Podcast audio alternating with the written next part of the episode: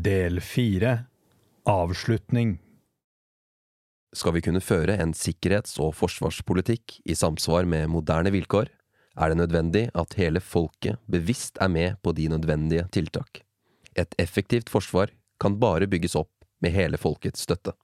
Når vårt folk her ikke kan bygge på noen sterk tradisjon, må det oppveies ved at folket blir seg bevisst hva sikkerhets- og forsvarspolitikken gjelder, og hva den betyr. Forsvarskommisjonen av 1946 Denne forsvarskommisjonen ble oppnevnt i 2021, og er den fjerde siden andre verdenskrig. Alle forsvarskommisjonene har vært preget av sin tid og søkt å sette retning for sikkerhets- og forsvarspolitikken. Likhetene i synet på Forsvarets kjerneoppdrag og funksjoner er likevel slående. Det samme er ulikhetene. Forsvarskommisjonen av 1946 skrev sine anbefalinger rett etter krigen. Landet var svakt på ressurser, men med erfaring fra krig og vilje og evne til å prioritere forsvar. Forsvarskommisjonen av 1974 ga sine anbefalinger under den kalde krigen, i en todelt verden der Norge i liten grad kunne forme sine omgivelser. Forsvarskommisjonen av 1990 avga innstilling rett etter at den kalde krigen var over, i en periode der den sikkerhetspolitiske situasjonen for Norge var vesentlig bedret, men uavklart, og behovet for et sterkt nasjonalt forsvar syntes mindre.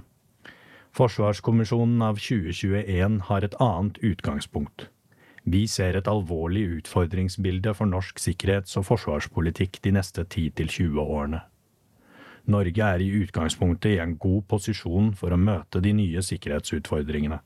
Vi har en enestående sterk økonomi.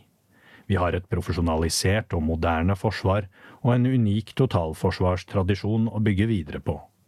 Vi er en del av et unikt euroatlantisk sikkerhetsfellesskap. Norge har muligheter til å forme og påvirke utviklingen, og bedre ivareta norske strategiske interesser dersom vi høyner ambisjonsnivået.